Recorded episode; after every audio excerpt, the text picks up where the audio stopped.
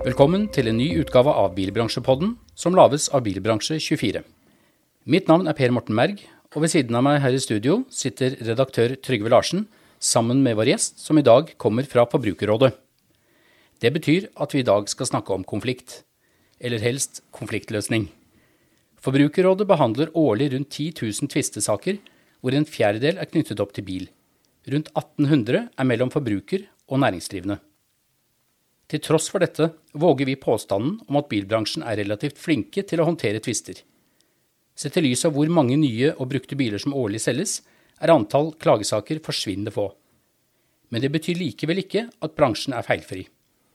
Bilbransje24 publiserte nylig en sak som viste at merkeforhandlere gjennomgående er flinkere til å håndtere kundeklager knyttet til salgsprosessen rundt både nye og brukte biler, enn de rene bruktbilforretningene.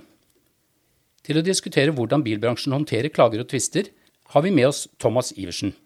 Han er juridisk seniorrådgiver og ansvarlig for bilbransjen i Forbrukerrådet. Velkommen til oss, Thomas. Takk, takk. Thomas, vi ser at eh, på listen er rene bruktbilforretninger overrepresentert når det gjelder antall klager. Og du har forklart det med at merkeforhandlerne har mye bedre kontroll på jussen enn de rene bruktbilforretningene. Og derfor mottar mange færre klager i forhold til salgsvolumet enn hva tilfellet er for bruktbilforretningene. Hva er din erfaring? Tar bruktbilforhandlerne klagene alvorlig? Lærer de av sine feil, og har dette noe preventiv effekt? Forbrukerrådet har jo veldig god dialog med både bruktbilforretninger, men også merkeforhandlere i eh, både klageprosessen, men også i preventive forhold. Men mm. eh, vi ser jo at de store merkeforhandlerne, som har et apparat til å distribuere ut gode rutiner for kundeklager, følge opp eh, praksis og legge policyer som sikrer en mer enhetlig behandling, ofte klarer å håndtere kundeklager mye mer effektivt enn eh, frittstående bruktbilforretninger som uh, må ofte finne litt opp hjulet mens man går, og dermed ta dette litt på sparket når det kommer en klage. Det fører også ofte til at noen av de største bruktbilforretningene får uh, uforholdsmessig mange tvistesaker inn til oss, hvis du ser på salgsvolum. Men det betyr ikke at ikke de lærer? Nei, veldig mange av disse lærer underveis. Og vi forsøker jo ikke bare å løse konflikten som er mellom kjøper og selger når saken kommer inn til oss. Vi forsøker også å hjelpe eh, bruktbilforretningene, slik at de kan unngå kundeklager i fremtiden. Og hvis noen, eh, særlig nye bruktbilforretninger, skiller seg ut litt ved å få mange klager på veldig kort tid, så tilbyr vi også å komme ut dit og fortelle litt og ha litt enkel internopplæring.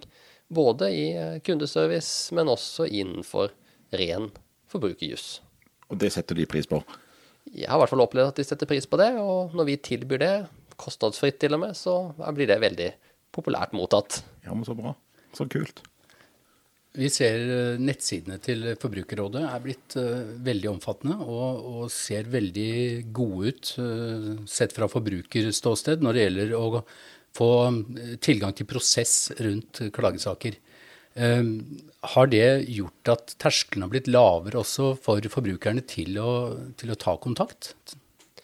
Vi har gjort en ganske omfattende jobb med, med nettsiden vår. Og uh, allerede nylig så lanserte vi et nytt uh, skjema som uh, forbrukerne kan bruke for å levere inn en klage. Og det har ført til en, en viss økning i antall klager mot før den lanseringen. Det er jo et mål at folk som ønsker å bruke vårt tilbud, skal oppleve det som enkelt. Men uh, vi oppfordrer også alle som har en uenighet med en uh, næringsdrivende, enten det er en bilforretning eller hva som helst, å forsøke å løse den konflikten selv først. Og vår uh, veiledningstjeneste gir veiledning i nesten 60 000 tilfeller i året, der en forbruker tar kontakt og vil ha litt tips og råd bare i forbindelse med kjøpet. Eh, de rundt 1800 klagesakene som kommer, eh, de telles jo eh, når de kommer inn. Hvor mange av disse havner i, i nemnd og, og eventuelt i rettsapparatet? av de 1800 som kommer inn, så er det saker som en kunde har klaget inn til oss. Og vi løser gjennom dialog og mekling mellom partene litt over tre fjerdedeler av de sakene. Resten av de går videre til det, det såkalte forbrukerklageutvalget, der saken avgjøres rettslig. En veldig liten andel av disse, og da snakker vi bare noen få, går videre derfra og til rettssystemet. Vi må snakke om Tesla. Altså, Det kommer vi ikke utenom. På denne listen vi publiserte på Bilbransje24 her for ikke så lenge siden, så fremkom det jo veldig tydelig at Tesla altså de har i særstilling flest klager blant uh, næringsdrivende. Er det sett med dine øyne utelukkende fordi merket har vokst så fort i Norge, og at organisasjonen ikke henger helt med når det gjelder support? Vi har aldri sett et uh, bilmerke med så rask vekst som Tesla har hatt de siste årene. Allerede i år så har de jo eh, solgt og levert ut uh, nesten 10 000 biler på norske veier. Og det ble levert ut nesten uh, 6000 biler bare i mars. Den veksten er ganske ekstrem, og det stiller veldig høye krav til organisasjonen til Tesla for å følge med både på ettermarkedet og servicemarkedet, men også når kundene kommer tilbake igjen og har en utfordring med bilen sin. Og mange av de jeg har snakket med av Tesla-kunder, har jo da opplevd at overleveringsprosessen noen ganger har vært litt uh, humpete. At man typisk ikke har fått med seg vinterhjulene sine at uh, man har fått utlevert feil bil, at det har vært uh, kosmetiske skader, at det mangler plastikkdetaljer osv. på den nye bilen man har fått utlevert. Og det er, kan jo føre til en veldig sur start på et eierskap av en bil du har betalt mye for og ventet lenge på og gledet deg til. Men totalt sett så er det ganske mange av de sakene som knytter seg til forhold ved bilene som ikke er driftskritiske. Dvs. Si det er mer eller mindre pynt. Så det er ikke elbilkundene generelt som, som er mer kravstore enn en det øvrige? Jeg vil nok ikke si at elbilkundene er mer kravstore, for vi har relativt sett få tvistesaker på eh, tradisjonelle elbiler. I den perioden har, jeg har sett på, så er sånn som Nissan Leaf, f.eks., som er en elbil med veldig stort antall på norske veier, Eh, relativt sett la, lavt representert i vår klagestatistikk. Har du noe inntrykk av at eh, kjøpere, brukere av elbiler, de er ikke noe mer kranglevåne eller vanskelige de enn de som kjører fossilbil? Nei, jeg ser ikke for meg det. Det er nok ikke noen særlig forskjell på det, men det er viktig å huske at elbiler er mekanisk sett en del enklere enn en fossilbil. Dvs. Si det er færre ting som kan gå galt på en mm. elbil. Det inneholder mange færre slitasjedeler, og på den måten så burde vi sett vesentlig færre tvistesaker på elbiler enn på fossilbiler når årene begynner å gå og disse bilene blir eldre, så får vi få bedre tall på akkurat det. Det har vært en sterk økning i privatleasing. Og vi ser jo også på Forbrukerrådets nettsider at det er en egen guideline for leasingkunder. Eh, et typisk konfliktområde er jo påkost ved tilbakelevering. Eh, der har bilbransjen jobbet mye med informasjon og etablering av, av felles rutiner. Er det altså relativt sett mange klager fra leasingkunder, og, og, hva klager de mest på? Vi har relativt sett ganske få uh, klager fra leasingkunder. Det har vært en voldsom vekst i leasingmarkedet de siste årene. Og mange av de bilene er fortsatt ikke levert tilbake igjen. Så vi må være forberedt på at det kan komme en viss bølge med klager når de store volumene skal tilbake igjen etter tre og fire års leasingperiode. Det som ofte er konfliktområdet der, er jo at kunden, altså forbrukeren, har brukt bilen kanskje litt for hardt i perioden, og ikke vært bevisst på at den skal leves tilbake, og at slitasjeskader som er unormal, må betales for. Ja, tror du altså først og fremst det er påkost knytta opp til jeg håper å si, riper, rift i setet, den type ting, mer enn overkjørte kilometer, og, og liksom problemene knytta opp til det, og, og informasjon gitt knytta opp til de greiene som, som, gjør at antall saker kanskje kommer til å gå noe opp? Overkjørte kilometer er nok en del enklere for kunden å akseptere som en eh, ekstra betaling senere. Fordi det er et relativt objektivt kriterium. Har du kjørt uh, 10 000 mer enn du har avtalt, så er det vanskelig å egentlig klage på det, og det bør egentlig aksepteres. Men det er alltid mulig å diskutere om den steinspruten der, den hakket der, den bulken der, var uh, unormal slitasje eller innenfor normalspekter, og det kan fort skape uenighet. Du, um noe som kanskje ikke er så kjent, er at Forbrukerrådet også har en kanal hvor bransjen kan henvende seg om de har kunder de ikke blir enige med. Kan du fortelle litt om den, og hvordan den virker? Ja. Hvis eh, en brukbilforretning bruktbilforretning eller en merkeforhandler har en utfordring med en, uh, en, kunde og ikke kommer til enighet, så har den bedriften to muligheter. Vi har en veiledningstjeneste som er oppe fra 9 til 14 alle hverdager. Der kan bedriften ringe inn og få snakke med en veileder som gir noen enkle råd og veiledning i den fasen. Dersom det fortsatt ikke løser konflikten eller hjelper nok på, så kan også bedriften klage saken inn til oss og få meklet saken eh, hos oss helt kostnadsfritt. Men den tjenesten, eh, er den godt nok kjent? Er den mye brukt? Ja, nettopp. Jeg har snakket med flere næringsdrivende innenfor flere bransjer om den tjenesten. Og veldig mange næringsdrivende er litt skeptiske til å skulle klage sin egen kunde inn til Forbrukerrådet. Er terskelen er der, ja. Mm, ja, terskelen er der.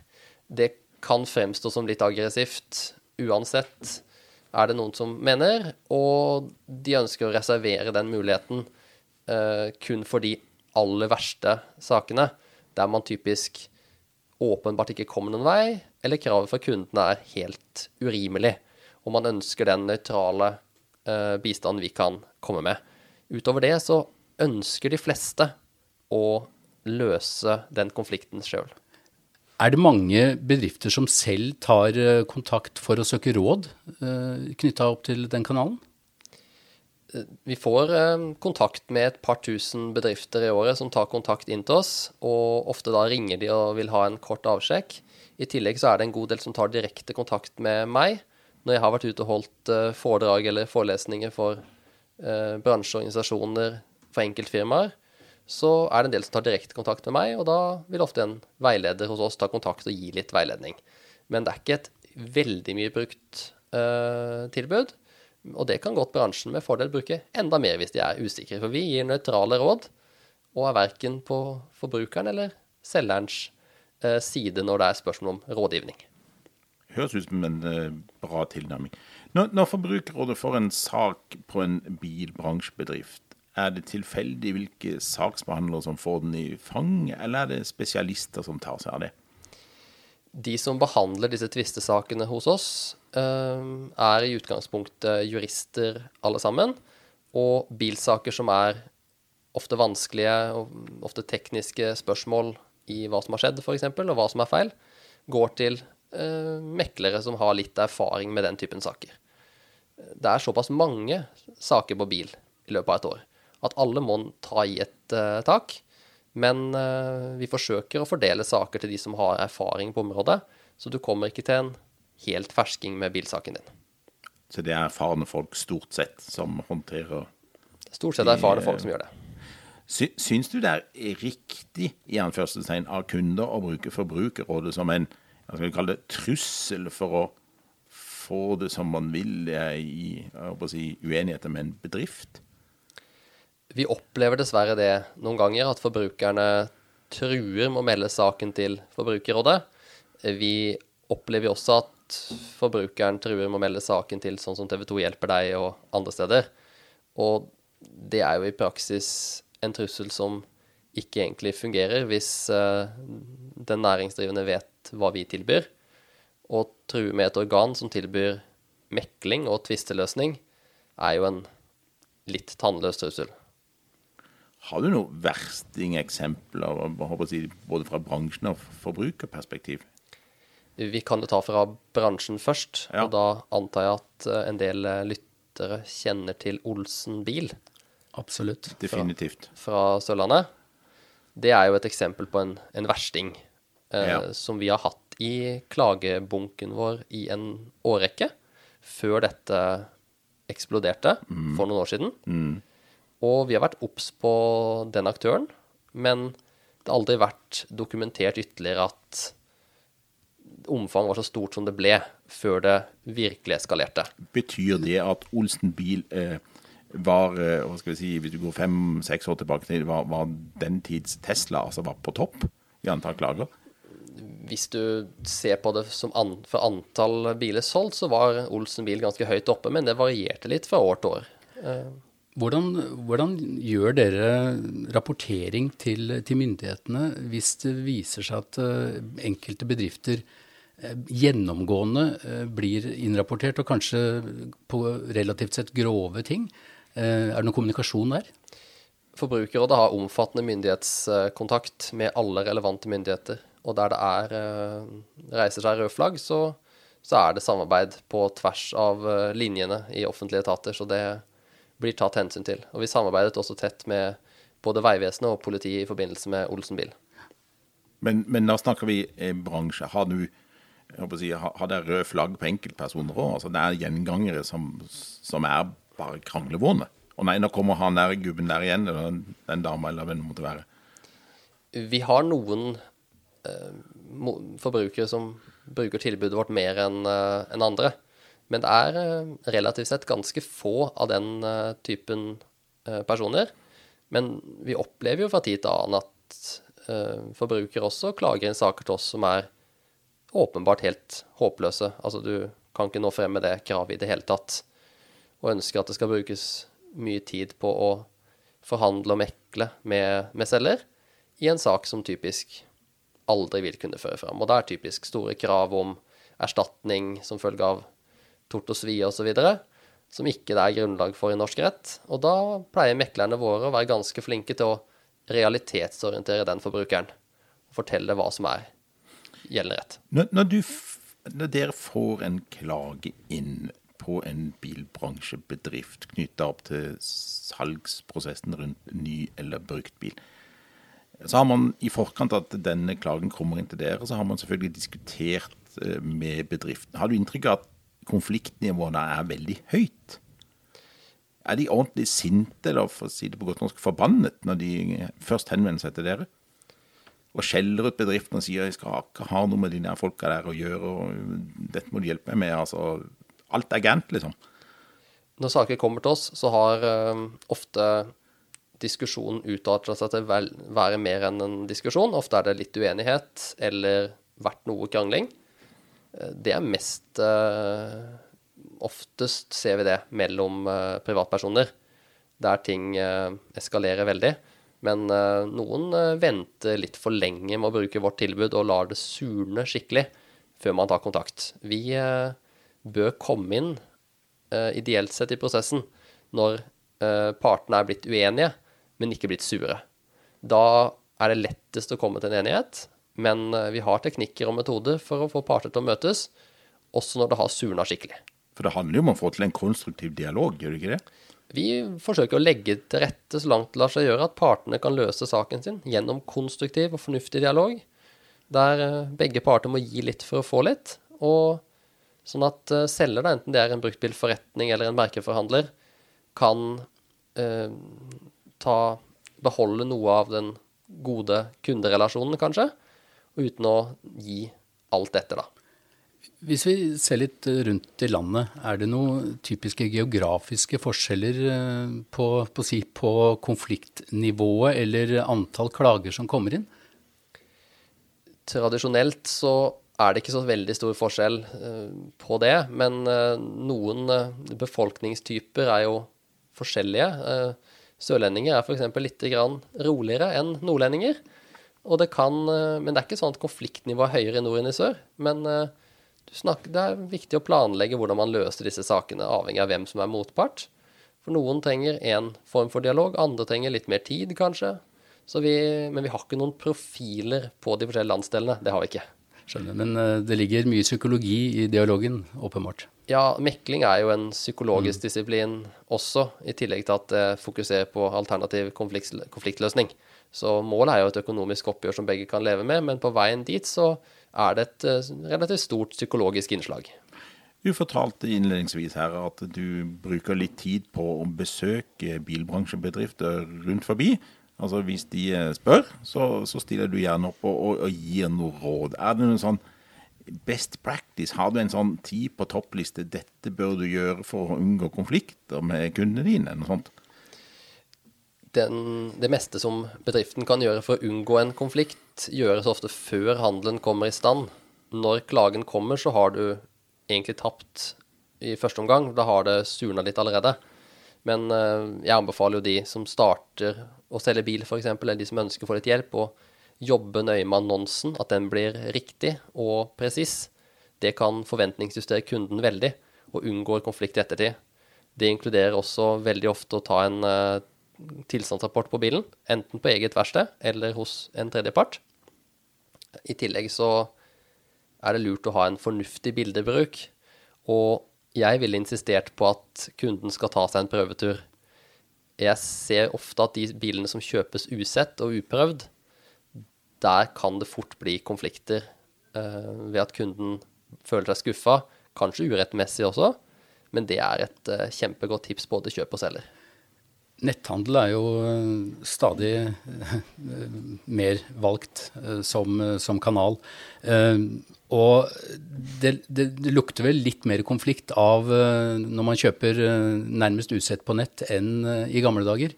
Er det, er det et mønster dere ser også? Du kan helt fint kjøpe en ny bil på nett. Det ville jeg ikke vært skeptisk til. Da må du være fornøyd med det du får sånn sett, og støtte deg opp mot dokumentasjonen. Mens en brukt bil, den ville jeg prøvekjørt og unngått netthandel på, så langt det lar seg gjøre, altså. Ser du eksempler på at bilbransjebedriftene, eh, eksempelvis på de annonsene de legger ut på Finn, eh, overselger biler? At dette her er en superbil med få kilometer, og den har liksom helt nye dekk, og det er ikke måte på hvor fin den er. og så viser seg å være en halvdårlig, sliten bil når du ser den i real life? Det er heldigvis mindre og mindre av akkurat det, for jeg syns annonsen har blitt mye bedre de siste årene. Mer edruelige? Mer edruelige, og tar mer opp i seg både det positive og det negative.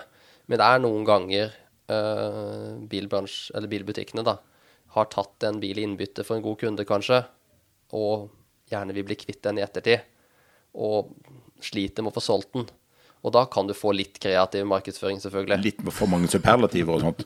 Ja, litt mye superlativer, kanskje. Ja. At man kanskje ikke legger ved nok teknisk dokumentasjon, er litt grann for kjapp.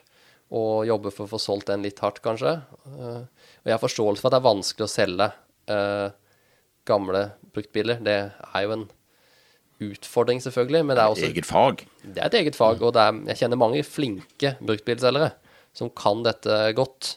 Så det går an å gjøre det riktig, og det går an å tjene penger, eh, og likevel unngå konflikter. Mm. Jeg, jeg, må jo si at jeg ble ganske mye klokere etter å ha hørt på deg nå. Det er veldig bra. Ja.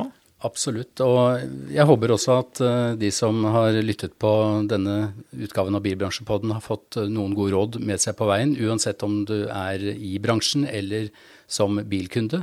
Tusen takk til deg, Thomas, for at du tok deg tid til å komme hit. Bare hyggelig, og så setter jeg pris på det. Og til dere som eh, har lyttet, eh, fram til neste utgave, hold dere orientert på Bilbransje 24.